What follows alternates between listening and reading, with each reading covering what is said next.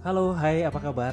Jumpa lagi bareng gue di podcast Dedi Zebua Dan kali ini gue gak bakal ngajak kalian jalan-jalan ke daerah-daerah atau kawasan wisata ya Tapi kali ini gue pengen sharing mengenai bagaimana sih caranya untuk menjadi seorang reporter Nah, apa sih yang ada di benak kalian kalau mendengarkan kata-kata reporter? Pasti yang terbayang adalah orang yang muncul di layar televisi Itu benar banget Kenapa? Karena reporter ini adalah ujung tombak dari sebuah stasiun televisi. Dalam hal ini adalah uh, pemberitaan ya. Karena memang reporter ini yang terjun langsung di lapangan, kemudian dia bertemu dengan narasumber, dia meliput peristiwa sehingga dia menjadi narasumber atau orang yang paling tahu terhadap peristiwa yang sedang terjadi. Kalau kalian para mahasiswa ataupun eh, SMP, SMA ingin bercita-cita menjadi seorang reporter, gimana sih caranya? Atau gimana sih step-stepnya supaya bisa menjadi seorang reporter yang baik? Nah, kali ini gue bakal share kira-kira apa aja sih yang harus dilakukan untuk menjadi seorang reporter. Oke? Yang pertama adalah memiliki kemauan yang tinggi. Kira-kira apa tuh memiliki kemauan yang tinggi? Kemauan yang tinggi itu penting banget karena dengan kemauan ini kalian bisa mengejar apa yang kalian cita-citakan. Karena mustahil kalau kalian ingin jadi reporter tapi kalian tidak punya keinginan untuk mencapainya, bagaimana bisa? Karena menjadi seorang reporter itu diperlukan step-step yang harus dilalui dan itu tidak mudah. Berdasarkan pengalaman yang gue alami belasan tahun yang lalu ketika merintis di karir di bidang broadcasting. Dengan kemauan yang tinggi tentu kalian akan banyak belajar, akan banyak mengerti hal baru yang nantinya akan jadi bekal kalian.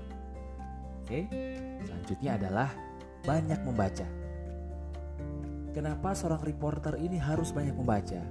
Itu adalah sebuah keharusan karena reporter ini nantinya adalah yang akan memberitakan berita atau peristiwa kepada masyarakat. Artinya, dia harus selangkah lebih maju daripada masyarakat yang dia beri info. Kalau dia sendiri tidak menguasai sebuah masalah atau peristiwa, bagaimana dia bisa memberikan info dan bagaimana masyarakat bisa percaya dengan apa yang dia katakan. Untuk itu, seorang reporter ini harus banyak membaca, harus update terkait dengan peristiwa yang sedang terjadi saat ini dan ada banyak hal yang bisa dilakukan ketika mengupdate peristiwa bisa dari media online, bisa dari perbincangan dengan sesama reporter, bisa dengan perbincangan dari korlipnya dan banyak hal yang bisa dilakukan ketika kalian ingin mendapatkan data atau informasi yang akan menjadi bekal kalian ketika akan meliput sebuah peristiwa. Selanjutnya, kira-kira apa ya? Pantang menyerah dalam mengejar narasumber narasumber ini berbeda-beda ya. Kalau misalnya narasumber liputan kuliner tentu akan lebih mudah untuk dikejar karena dia juga welcome karena tempatnya akan dipromosikan.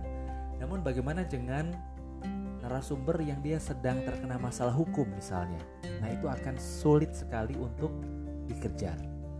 Makanya bagaimana cara bisa menembus narasumber tentunya dengan pendekatan dengan uh, probing yang bagus kepada narasumber ya bagi reporter memiliki narasumber yang banyak itu adalah penting. Mendekatkan diri kepada narasumber itu adalah penting. Ketika kalian membutuhkan sebuah informasi dan kalian sudah dekat atau mengenal narasumber tersebut, tentunya si narasumber ini akan lebih percaya kepada kalian dan itu akan sangat menguntungkan. Itulah kenapa dalam mengejar narasumber ini dilarang menyerah kita harus kejar sampai dapat dengan cara-cara yang sesuai dengan etika jurnalistik. Tentunya kalau misalnya memang dia belum berkenan untuk memberikan statement atau informasi, kita tunggu. Kemudian kita update lagi sampai kira-kira dia siap untuk bisa memberikan informasi tersebut. Itu sebuah tantangan karena dari apa yang saya alami untuk narasumber yang terkena masalah hukum memang akan lebih sulit untuk dikejar. Tapi ini adalah sebuah tantangan karena once kamu dapat memperoleh informasi dari narasumber ini tentunya nama kalian akan harum. Nama kalian akan menjadi lebih baik lagi karena kalian berhasil mendapatkan narasumber yang tidak didapatkan oleh reporter lain. selanjutnya adalah harus siap dalam segala medan liputan. Kenapa gue bilang gini? Karena medan liputan seorang reporter itu bisa berbagai macam. Dari pengalaman gue, medan liputan itu bisa medan bencana alam, bisa medan yang enak juga ada, kemudian berbagai macam medan lain yang tentunya akan sangat menantang dan harus menjadi satu hal yang kalian datang karena inilah tugas dari reporter dia datang langsung ke tempat tersebut untuk meliput hal tersebut. Oke jadi kalian harus siap dengan segala macam medan yang ada. Selanjutnya belajar membuat naskah. Karena pada akhirnya nanti liputan yang kalian datangi yang kalian liput itu akan diubah dalam bentuk naskah. Khusus untuk naskah televisi yang terbatas dengan durasi tentunya kalian harus memasukkan informasi-informasi yang penting saja kemudian disertai dengan soundbite atau wawancara yang paling menggigit sesuai dengan namanya soundbite jadi kalian harus memilih soundbite yang terbaik dari wawancara yang bisa kalian dapatkan itu kenapa? karena tayangan berita di televisi itu durasinya tidak sebanyak misalnya di radio atau kalian bisa menulis dengan sebanyak-banyaknya di media cetak, tapi kalau di televisi itu benar-benar dia terbatas dengan durasi. Setelah kalian membuat naskah, naskah ini nanti akan diedit oleh produser atau eksekutif produser ya. Nah, dari situ kalian bisa belajar lagi mengenai kesalahan yang kalian lakukan ketika membuat naskah tersebut. Jika kalian sudah membaca naskah hasil editan dari produser, kemudian dari eksekutif produser, jadi kalian bisa belajar, oh yang benar nih seperti ini ya ternyata untuk membuat naskah. Terakhir, tugas seorang reporter adalah dia melakukan live report di mana pun. Bisa di medan kecelakaan, medan bencana alam, medan pelantikan presiden dan segala macam peristiwa yang nantinya akan menjadi bahan liputan.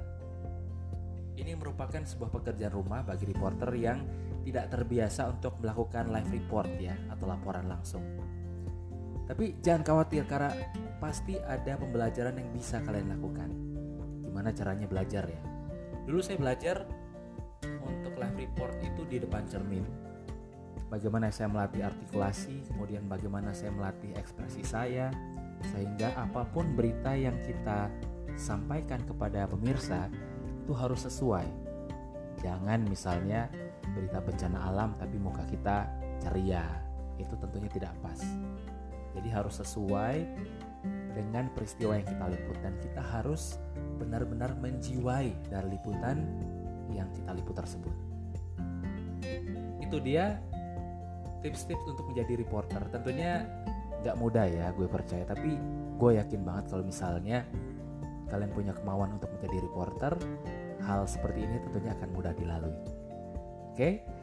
Sampai jumpa di episode selanjutnya tentu saja di podcast Dedi Sebuah dengan informasi dan tema-tema yang lebih menarik lagi. See ya!